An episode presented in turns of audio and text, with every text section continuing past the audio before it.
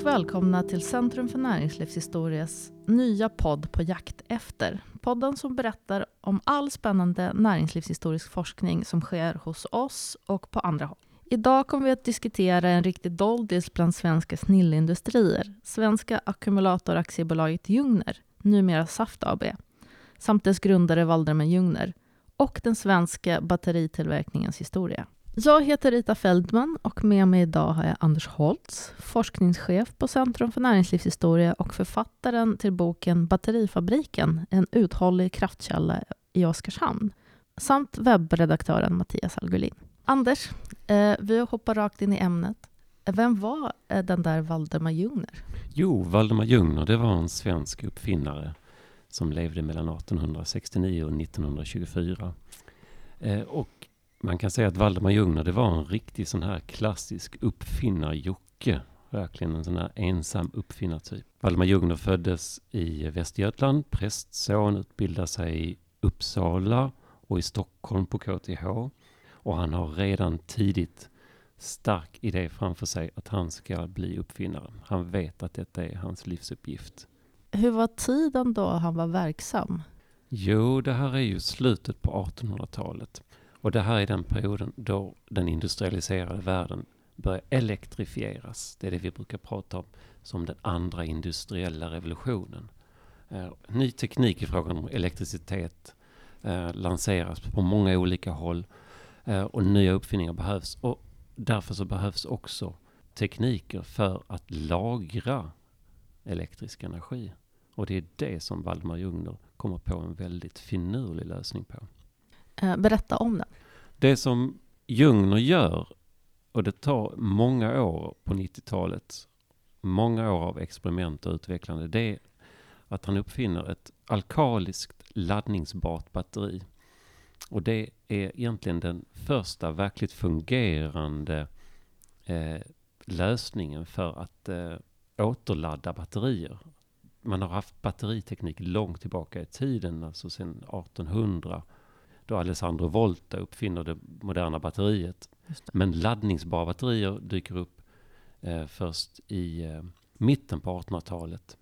Men det är blybatterier, de är ineffektiva, de är ömtåliga och de varar väldigt, de är väldigt kortlivade, de varar inte särskilt länge.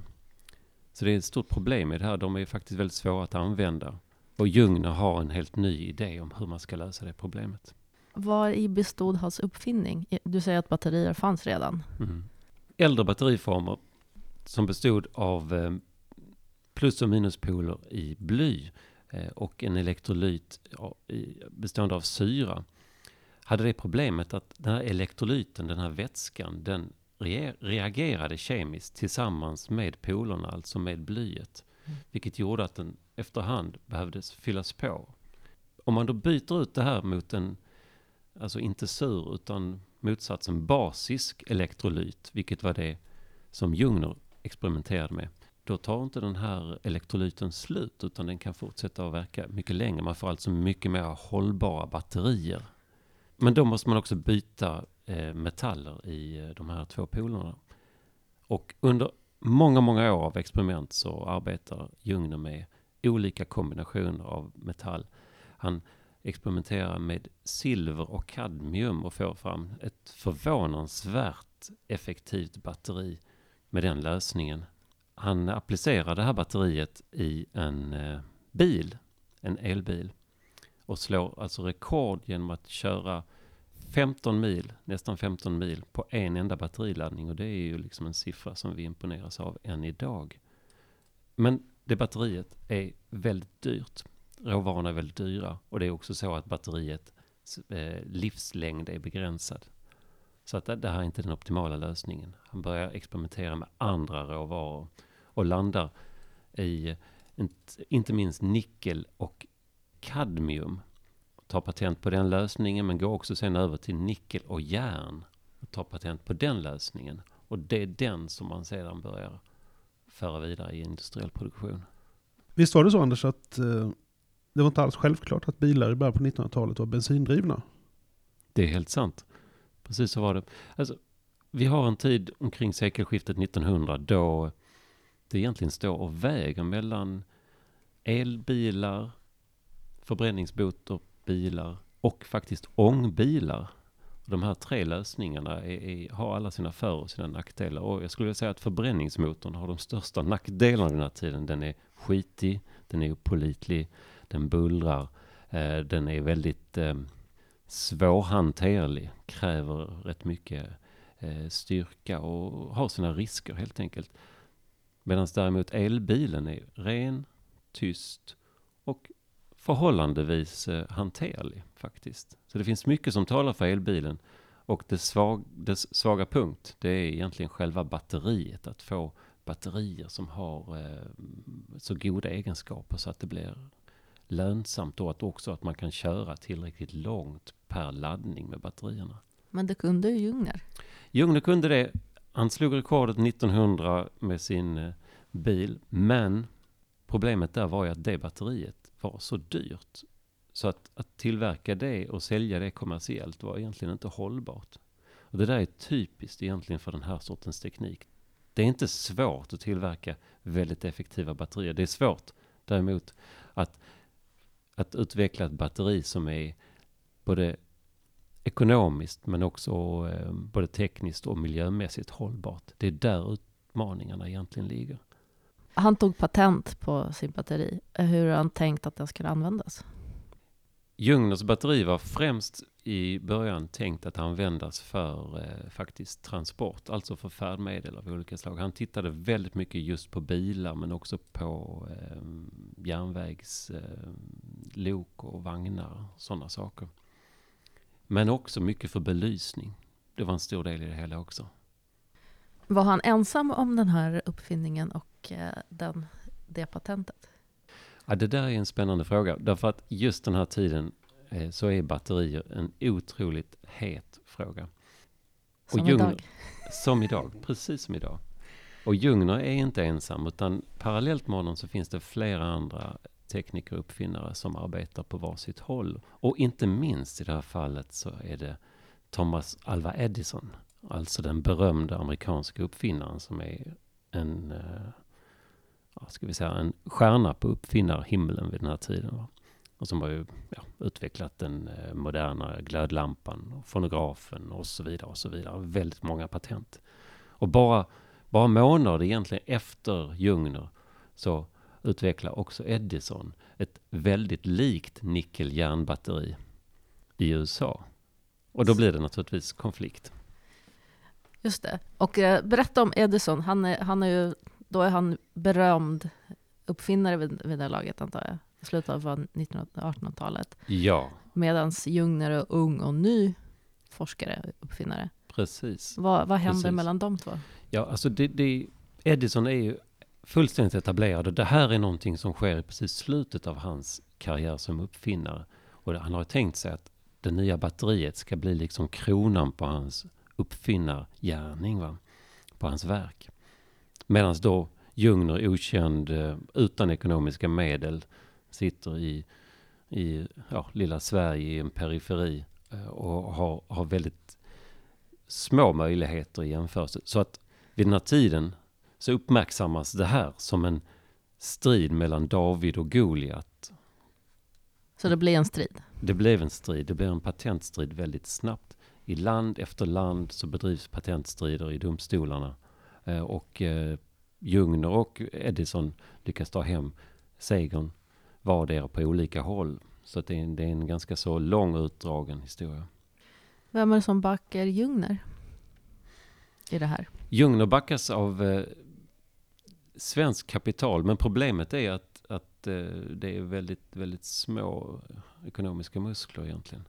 Och det, det fungerar inte. Man, man, lyckas egentligen aldrig genomföra det här. Men någonstans tar han i alla fall eh, små segrar här och där. Ja, det stämmer.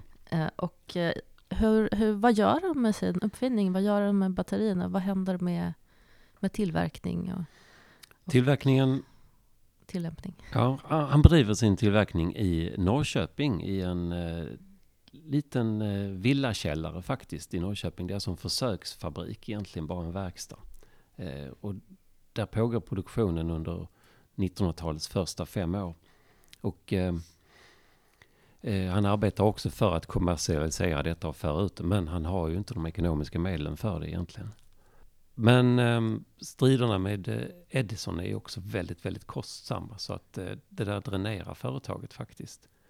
Och sen så tar det hela en dramatisk eh, ände i och med en brand i just den här villan där eh, verkstaden låg utanför Norrköping. Som brinner upp totalt.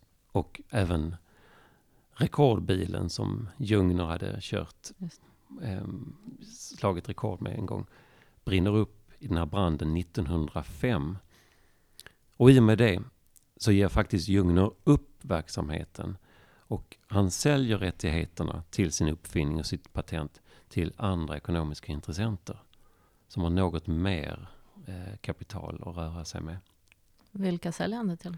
Ja, huvudpersonen i den här eh, nya konstellationen är en ingenjör som heter Axel Estelle som är ganska känd eh, inom elektrifieringen ja, i Sverige egentligen. Och han har arbetat tillsammans med Ljungner är väl bekant med den här uppfinningen och inser att den har en fantastisk potential och driver det hela vidare. Och det går så långt till att man bygger upp en fabrik faktiskt i lilla Fliseryd i eh, östra Småland. Inte så långt ifrån Oskarshamn. Det gör man 1910. Men det verkar som i och med den satsningen så är också det här företaget tömt på sin kraft och går i konkurs faktiskt. Så två konkurser på hur lång tid? Två konkurser på fem år egentligen. Men vi pratar om Mm. det fortfarande, så jag antar Mm. att det, det går vidare. Ja, det gör det. Eh, Det är ju en märkligt eh, livskraftig uppfinning där och de som har förståelse för teknikutvecklingen inom det elektriska området vid den här tiden inser att den här sortens batterier går det att tjäna pengar på, bara man har de rätta förutsätt- förutsättningarna. Och eh, då kommer eh, Robert Ameln in på arenan. Och det är en ingenjör som också är bördig från en eh, företagarfamilj. Så han har de här dubbla sidorna. Han är både företagare och tekniker och han förstår ju att den här uppfinningen har potential. Och han har också förmåga att hitta helt andra ekonomiska medel för att driva den här produktionen. Familjen Amel hade gjort sina pengar på fiskerikonserver. Den kommer från Norge och vi känner ju igen dem från förkortningen ABBA. Och då talar vi inte om popbandet utan om livsmedelsindustrin, ABBA. Aktiebolaget Bröderna Armen. Så där fanns en lång företagartradition och en eh, förmåga att hantera en stor organisation. Och det var det som Robert Armen var duktig på. Just det. Så han tar över Ljungners aktiebolag. Han behåller namnet har jag förstått. Han ändrar namnet. Han gör det. Företaget omgrupperas, heter från och med 1910 så heter det Svenska Ackumulatoraktiebolaget Ljungner. Tidigare hette det bara Ackumulatoraktiebolaget Ljungner. Men Ljungner, namnet finns med. Men Mm. personen Ljungner då ut ur bilden vid det. Ja, eh, Ljungner kommer... Ljungner är inte kvar i bilden efter 1910. Han ägnar sig åt helt andra uppfinningar. Och det är möjligt att det var tämligen svårt för honom att se att det han hade gjort till sitt livsverk levde vidare, men under helt annan ledning i Småland. Men det är inte så synd om honom i alla fall, därför att han går vidare med andra uppfinningar och får faktiskt rätt stora framgångar på sin ålders höst. Inte minst genom att eh, uppfinna en metod för att utvinna kali ur kalk. Och kalit kan man sedan använda i eh, gödsel. Och det där var en väldigt stor framgång också.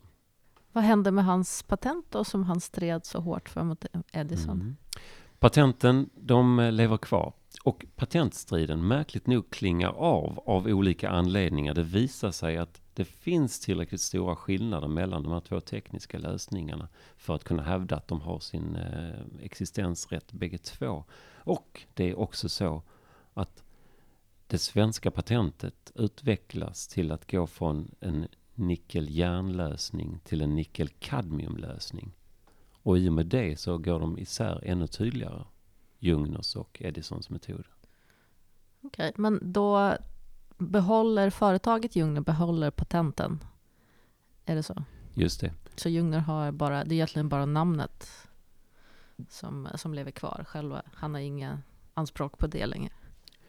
Nej, det är ju så att i det nya företaget som grundas 1910 så behåller man namnet Ljungner eftersom det är så starkt förknippat med det här patentet. Så att, så att det måste finnas med. Fastän företagaren själv är ute, uppfinnaren är ute ur bilden sedan länge.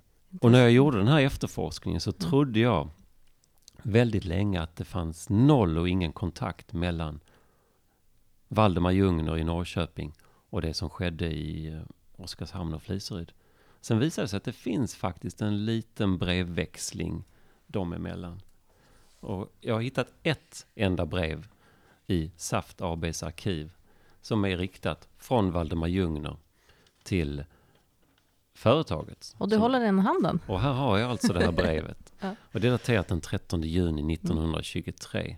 Det är alltså året innan Valdemar Ljungner dör. Och tydligen så har det funnits en brevväxling de här emellan. Där företaget har bett om ett porträttfotografi av Valdemar Ljungner. För att... För att använda i säkert sin marknadsföring. För att Ljungners namn är väldigt starkt som uppfinnare. Så det är hela tiden närvarande. Och i det här brevet så skriver Ljungner till svar att eh, väldigt artigt att han tyvärr inte har något fotografi men snarast ska anskaffa sådana och sända till företaget. Formulerat väldigt artigt, väldigt distanserat men uppenbarligen fanns det en relation som sannolikt inte var hjärtlig men som dock eh, levde kvar mellan företaget och uppfinnaren. Och namnet Ljungner finns ju kvar långt efter det. Och det här finns kvar i arkivet hos Saft. Och det här dokumentet är bara ett exempel på det rika materialet som finns i Saft ABs arkiv än idag. Ja. Spännande. Eh, Men vi fortsätter med företaget. Eh, Nu är då Ljungner ur bi- ur bilden och Ameln tar över. Året är 1910. Ja. Eh, Vad händer? ja, ganska snart så börjar det här visa sig rätt framgångsrikt. Inte minst när det gäller att sälja belysning till järnvägar. Det är ju någonting som pågår vid den här tiden. Järnvägsutbyggnaden är en verkligt stor sak. Så att sälja belysning till det här innebär att man har en väldigt stark produkt och redan tidigt så börjar man etablera verksamhet både i Sverige men också i andra länder. Eh, fabriken i Fliseryd visar sig inte vara tillräckligt stor. Och eh, redan 1916 så bygger man en ny fabrik och då ligger den i Oskarshamn, vid hamnen i Oskarshamn. Hur kommer det sig att det blir just Oskarshamn? Oskarshamn ligger ju väldigt nära Fliseryd så att kommunikationen är väldigt bra. Det finns en järnväg mellan de här två. Men Oskarshamn har ju sin hamn som vi hör på namnet. Och det innebär en jättefördel. För att det här är en exportvara. Eh, batterierna är någonting som kommer till användning runt om i världen.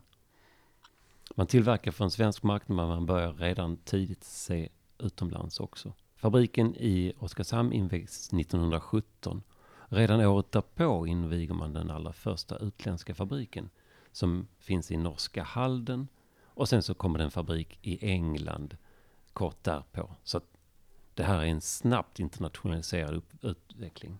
Och det här är ju typiskt för den här sortens svenska snillindustrier som bygger på en alldeles speciell uppfinning men som väldigt fort blir en internationell eh, produkt. Just det. Var, det, var det batterier som var huvudprodukten? Batterierna var huvudprodukten väldigt tydligt i början. Sen börjar man inse att batterier är väldigt smart att kombinera med andra saker. Till exempel just att göra belysningen som är batteridriven. Så NIFE-lyktor, som den kallas, blir till exempel en väldigt stor produkt. Vad står NIFE för? NIFE står för nickel och järn. Alltså nickel och ferrum.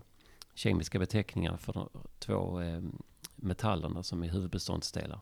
Men det komplicerade är att det här blir snabbt ett, ett eh, framgångsrikt varumärke. Samtidigt som man ju lämnar eh, beståndsdelen järn och går över till kadmium. Så då har vi ett batteri med varumärket NIFE som egentligen består av nickel och kadmium. Men man behåller alltså varumärket trots det. Man kanske inte förknippar de beståndsdelarna just, utan man tänker NIFE. Det blir bara ett Ja. namn, ja precis. Jag tror det är sant så. Och så börjar just det här namnet användas för en massa andra produkter rätt så snabbt. Till exempel då för NIFE-lyktorna som självklart är bedriv, drivna med batterier. Och, och, och så mycket, mycket mer. NIFE-optik, NIFE ja, efterhand som tiden går så börjar man ju tillverka till exempel, ni vet, eh, glas, kaffekannor i glas och så vidare. Allt det där heter NIFE. En väldigt bred produktion. Det låter som att eh, man har verkligen expanderat sin eh, sortiment. Är det här någonting som är typiskt för företaget då, eller var det här väldigt specifikt för just eh, Ljungner-företaget? Nej, jag tror att det var ganska typiskt för den här tiden. Alltså att vi talar om en, ja, en viss generation av företag som uppstår omkring sekelskiftet 1900. Ofta utifrån en speciell innovation eller produkt eller uppfinning. Alltså de här snilluppfinningarna. Men som ganska snabbt under 1900-talets början förgrenas och börjar tillverka en det ena, en det andra. Till exempel kan vi nämna AGA som ju snabbt eh, utvecklades till ett väldigt yvigt träd av olika verksamhetsgrenar. Och så är det med Jungners också. Det blir ganska så snabbt ett riktigt yvigt produktionsträd. Idag låter det som en eh, mardröm skulle jag gissa ur ett, ett företagarperspektiv. Men på den tiden var det ganska normalt. Så man tillverkar allt från batterier till kaffekannor? Ja. Och eh, det går bra? Det går alldeles utmärkt bra. Och det är inte nog med det. Verksamheten växer och tillfällena uppstår.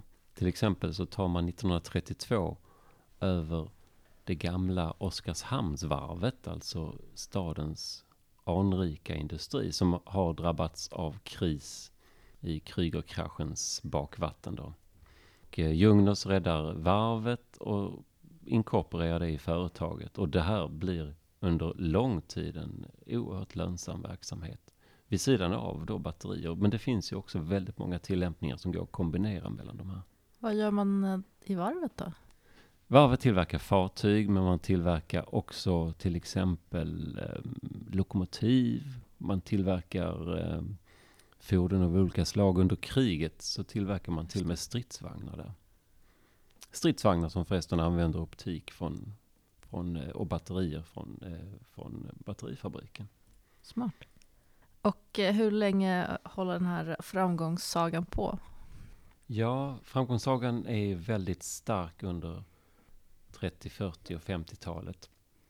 Dotterbolagen kommer det ena efter det andra i land efter land i olika världsdelar. Man befinner sig i Brasilien, Argentina, USA. Många av de europeiska länderna har NIFE-fabriker. Eh, vi kan säga att det hela kulminerar egentligen omkring 1960. Då står det på sin topp. Du sa att eh, Ljungnerföretagen står på topp 1960. Vad är det som händer efter det? Ja, alltså 1960 är lite grann en, en, en vattendelare i den här historien skulle jag säga. Mm. Ända fram, ja, fram till 1959 så drevs företaget av en och samma verkställande direktör, alltså Robert Amen. Som har alltså 49 år som verkställande direktör. Det är rätt speciellt. Det är oerhört imponerande. Ja. Och 1960 ska företaget fira sitt 50-årsjubileum räknat från 1910. Och då står man på sin kan vi säga. Nu är det bara så att året innan dör Robert Damen, verkställande direktören, efter 49 år i företagets ledning. Vilket ju skapar viss missstämning i, i firandet. Det kan man ju förstå. Ja, precis. Eh, men man bestämmer sig för att genomföra det här i alla fall och det finns mycket att fira. Vi har alltså ett företag med dotterbolag i uppåt närmare 15 länder. Vi har personalstyrka på närmare 3000 personer och vi har en produktion som bara ökar och ökar och ökar. 50-talet är oerhört framgångsrikt för de här produkterna. Inte minst varvet går fantastiskt bra men även batterierna går riktigt, riktigt bra. Mm. Så att sonen Karl Robert Amen kommer som det ser ut till ett dukat bord. Och han genomför firandet med buller och bång. Man firar med det största kalas som Oskarshamn någonsin har skådat. Och i Stockholm, där man också har en fabrik och sitt huvudkontor, där firar man på Berns salonger. Så man fyller den här kvällen och bjuder in världsstjärnan Eartha Kitt som eh, dragplåster. Så att det här är verkligen med flaggan i topp. Sen visade det sig att det hela är inte riktigt så eh, gediget som det såg ut. Och det, flera av de här verksamhetsgrenarna är väldigt föråldrade, ineffektiva och i behov av rationalisering. Så vad händer med det där stora djungelträdet med alla sidoföretag och dotterbolag och eh, kaffekannor och allt vad det är? Jo, allt det där börjar efterhand. Allt det där måste rationaliseras bort. Det som händer är en strukturrationalisering som är ganska radikal. Carl Robert Amen klipper av gren efter gren på Ljungnerträdet. Varvet är ett bra exempel. Under hela 50-talet har varvet gått väldigt bra. Men vid den här tiden så börjar man möta konkurrens, inte minst från japanska varv. Man måste ha stora anläggningar för att det ska vara lönsamt. Och Oskarshamnsvarvet kan inte ta de dimensionerna som behövs. Så att antingen måste man bygga helt nytt eller också är varvet, inser man, i praktiken dödsdömt. Och det dröjer faktiskt bara ett par år innan Ljungners säljer Oskarshamnsvarvet till stor sensation och eh, sorg för många i Oskarshamn. Va? För det här är en symbolhandling. Och det är inte det enda, utan man klipper av gren efter gren på Ljungnerträdet. Och eh, Ruda glasbruk upphör. Eh, fabrikerna i Berga, Kristdala och till slut också Fliseryd, den allra första fabriken som stängs 1974. Så att det man gör det är att man fokuserar på kärnverksamheten. Och kärnverksamheten det är ju då intressant nog fortfarande faktiskt det här batteriidén som Valdemar Ljungner en gång eh, kom fram till. Så att man har en sorts kontinuitet här medan sidoverksamheterna upphör. Och det är egentligen samma uppfinning som det var 1910, nu Ja. 1970. Ja, det är det. Eh, Det här är är helt eh, i grunden samma eh, uppfinning. Nyheter och innovationer pratar vi ofta om.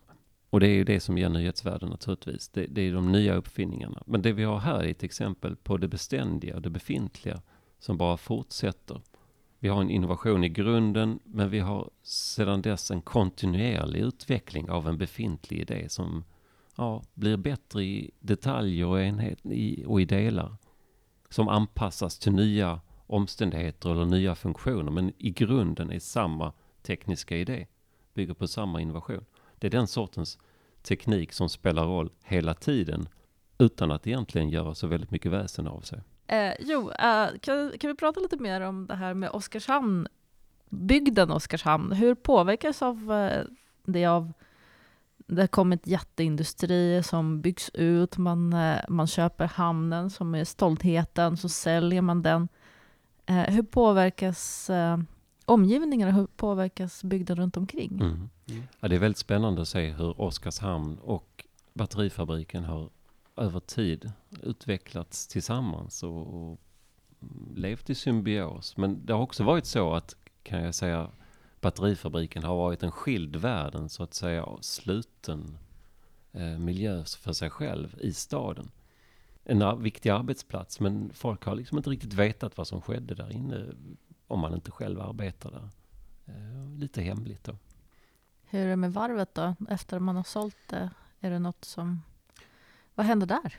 Ja, varvet levde ju kvar efter att det såldes och det finns faktiskt ett varv kvar än idag alltså. Men varvet har ju alltid haft problem egentligen sedan 60-talet och det går ju inte att konkurrera i, i den stora varvsnäringen med, med ett sånt litet varv. Men det finns alltså ett litet varv kvar i Oskarshamn. Som är fortfarande verksam på något sätt. Ja. Hur är det med de andra företagen som ju finns omkring Oskarshamn?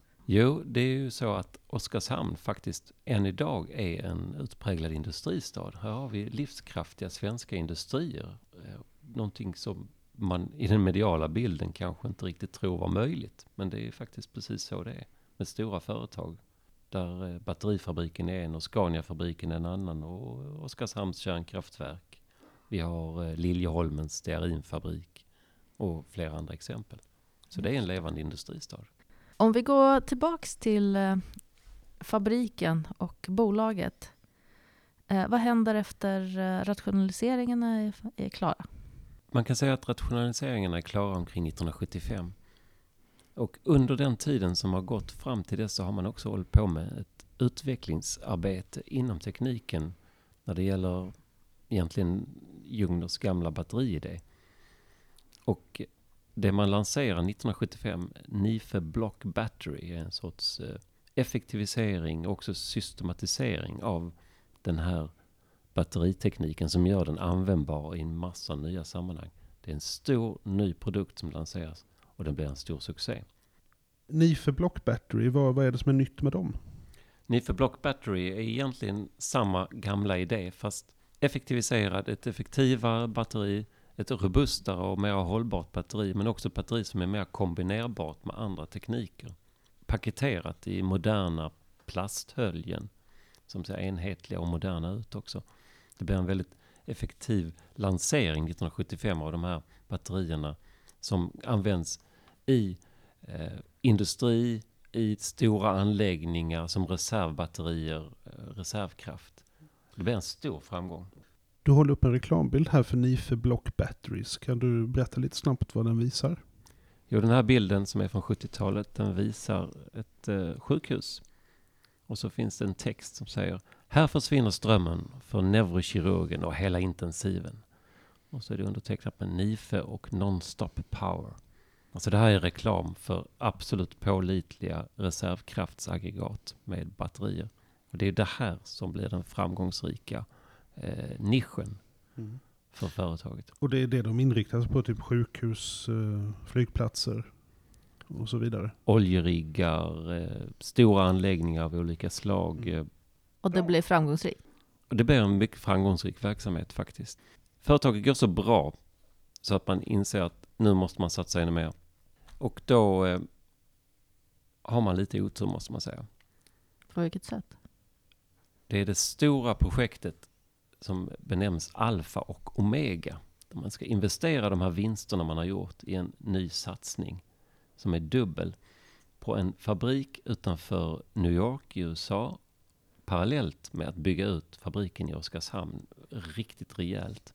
Alfa det är anläggningen i USA som ska vara en systerfabrik till den svenska i Oskarshamn som är Omega.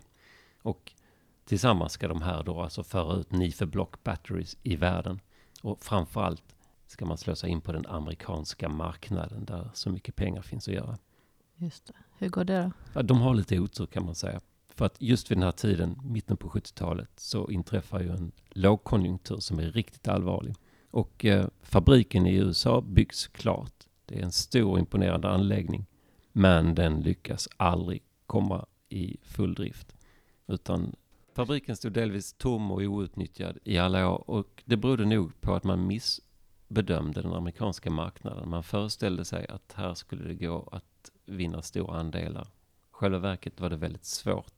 Det var svårt att bryta sig in gentemot konkurrenterna. Och så inträffar en väldigt stark lågkonjunktur just vid den här tiden också. Så att marknaden krymper oerhört just när man har gjort den här väldiga satsningen. Och det här dubbelprojektet Alfa och Omega, det dränerar ganska fort företaget på dess ekonomiska resurser. Så man går från att ha varit på topp 1975 i en sorts eh, eufori till att bli ett krisföretag bara några år senare. Och eh, vad får det för konsekvenser för, eh, för företaget? Ja, konsekvenserna blir ju väldigt dramatiska och ganska fort dessutom. I januari 1976 så eh, publicerar Veckans Affärer ett nummer med eh, VD Karl Robert Amen på framsidan. Och rubriken Börsens guldgosse. Eftersom företaget har gått så fantastiskt bra och att det här var ett typexempel på hur man kan strukturrationalisera och eh, fokusera på kärnprodukter och göra det ekonomiskt lönsamt. Och sen ganska kort efter det så inträffar krisen och eh, företaget måste göra starka neddragningar.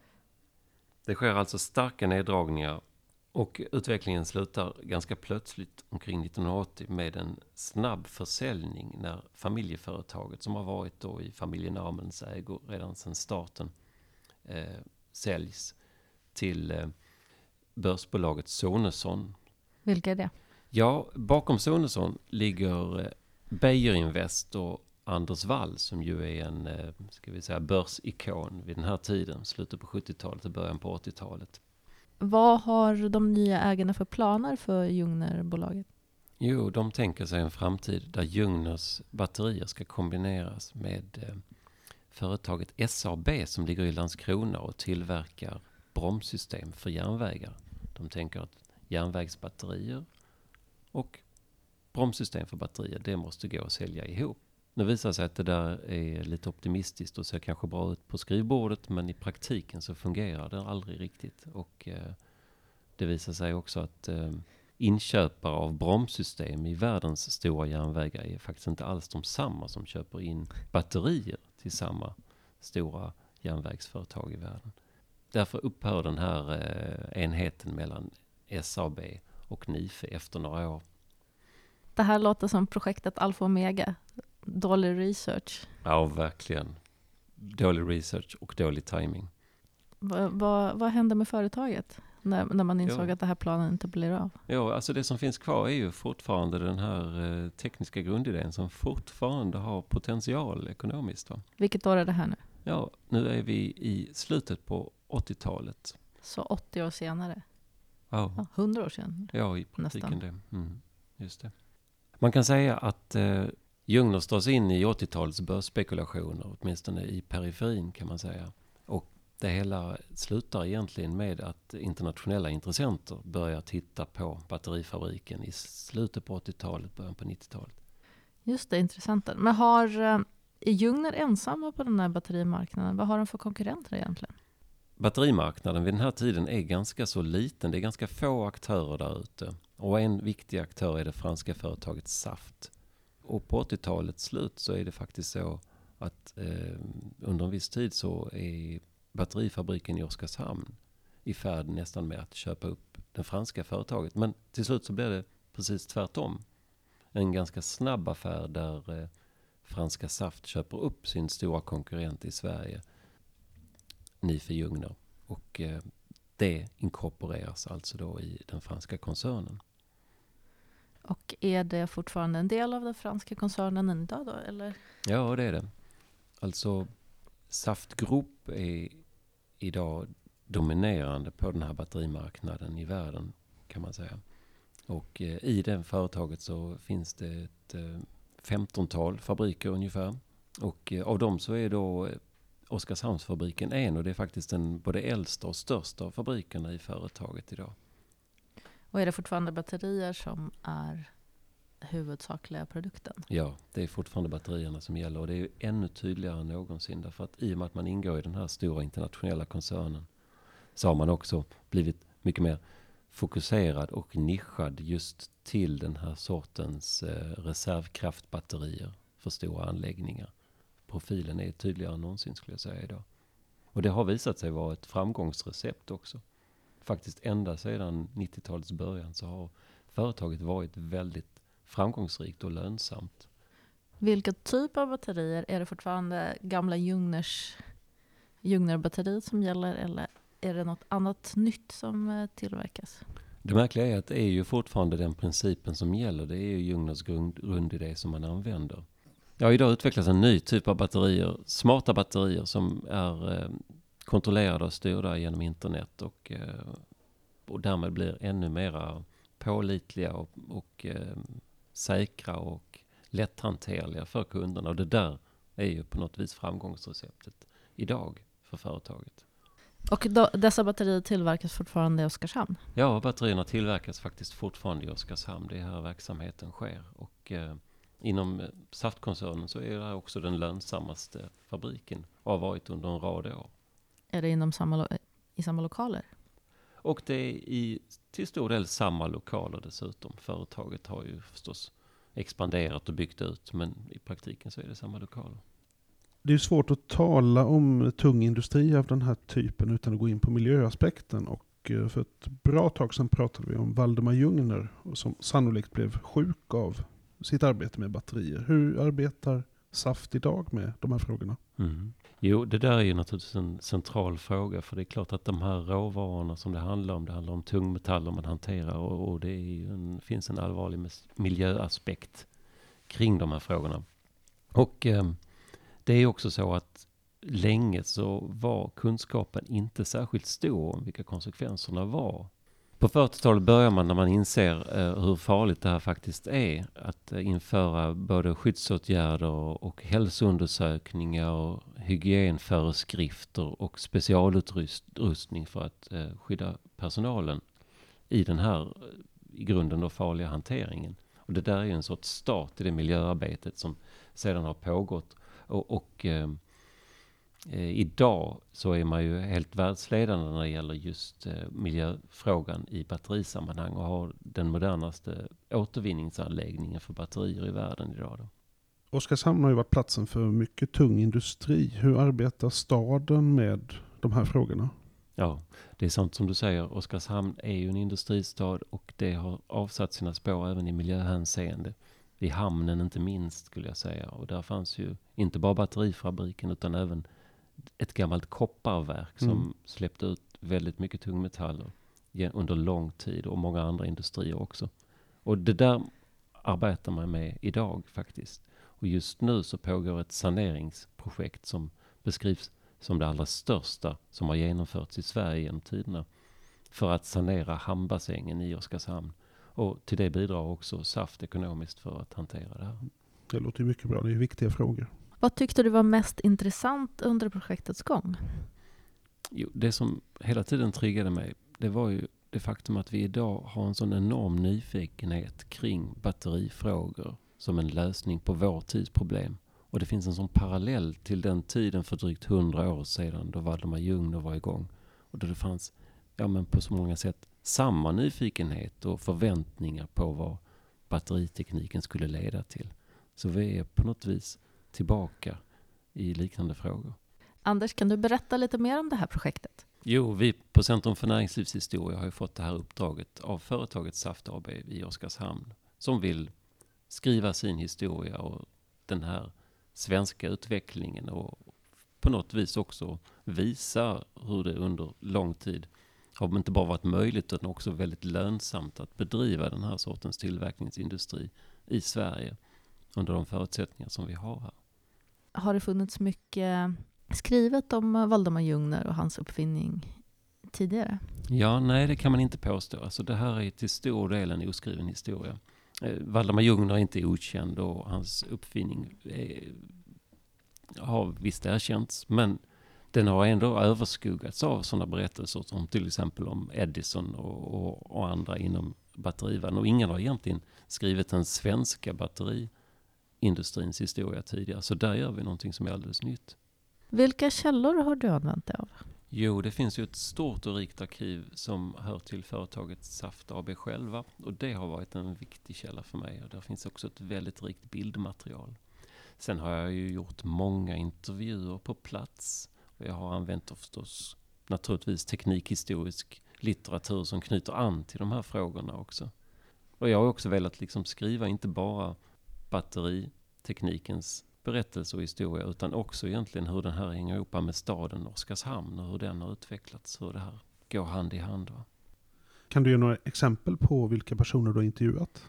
Ja, jag har intervjuat folk som arbetar, eh, många som arbetat på företaget. Jag har intervjuat eh, åtminstone två tidigare VD, en nuvarande VD. Jag har intervjuat eh, folk som arbetar inom säljverksamheten eller som mm. arbetar inom den tekniska utvecklingen eller som arbetar på miljösidan.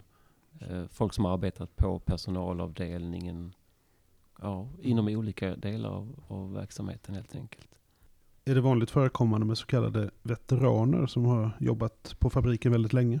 Ja, det finns ett helt gäng av veteraner. Det gör det. Jag tror att det åtminstone tidigare var så att det här var en arbetsplats där man arbetade länge. Man arbetade ofta hela livet på en och samma arbetsplats. Och ofta så fick man ju på något vis arbetsplatsen i arv av sina föräldrar dessutom. Va? Så det är många som har en lång arbets, eh, ett långt arbetsliv på SAFT. Det låter som en bra grund för intervjuer. Ja, absolut. Det har det verkligen varit. Va? Mm. Och det finns ju också en väldig stolthet bland de som arbetar här på det man gör. Jag tror också att det är viktigt för de som arbetar på den här fabriken idag att visa att det är så mycket som är annorlunda i att arbeta i en sån här miljö idag än vad det var kanske för 50 år sedan och det här också var en väldigt farlig arbetsplats. Att det är ljust och rent och inte sådär särskilt farligt för att vara en industri. vi prata lite mer om boken. När kommer boken ut och vem är det som ger ut den? Boken kommer ut i sommar, alltså sommaren 2018 och den ges ut av förlaget Näringslivshistoria som är Centrum för näringslivshistorias förlag. Kommer den finnas att köpa i handeln? Det kommer den att göra. Och den ges ut på uppdrag av Saft AB. Precis. Då tackar jag Anders Holtz, forskningschef på Centrum för näringslivshistoria och eh, författare till boken Batterifabriken, en uthållig kraftkälla i Oskarshamn. Tack Rita och tack Mattias. Tack så mycket. Det här var det första avsnittet av Centrum för näringslivshistorias podd På jakt efter. Tack för att du lyssnade och på återhörande.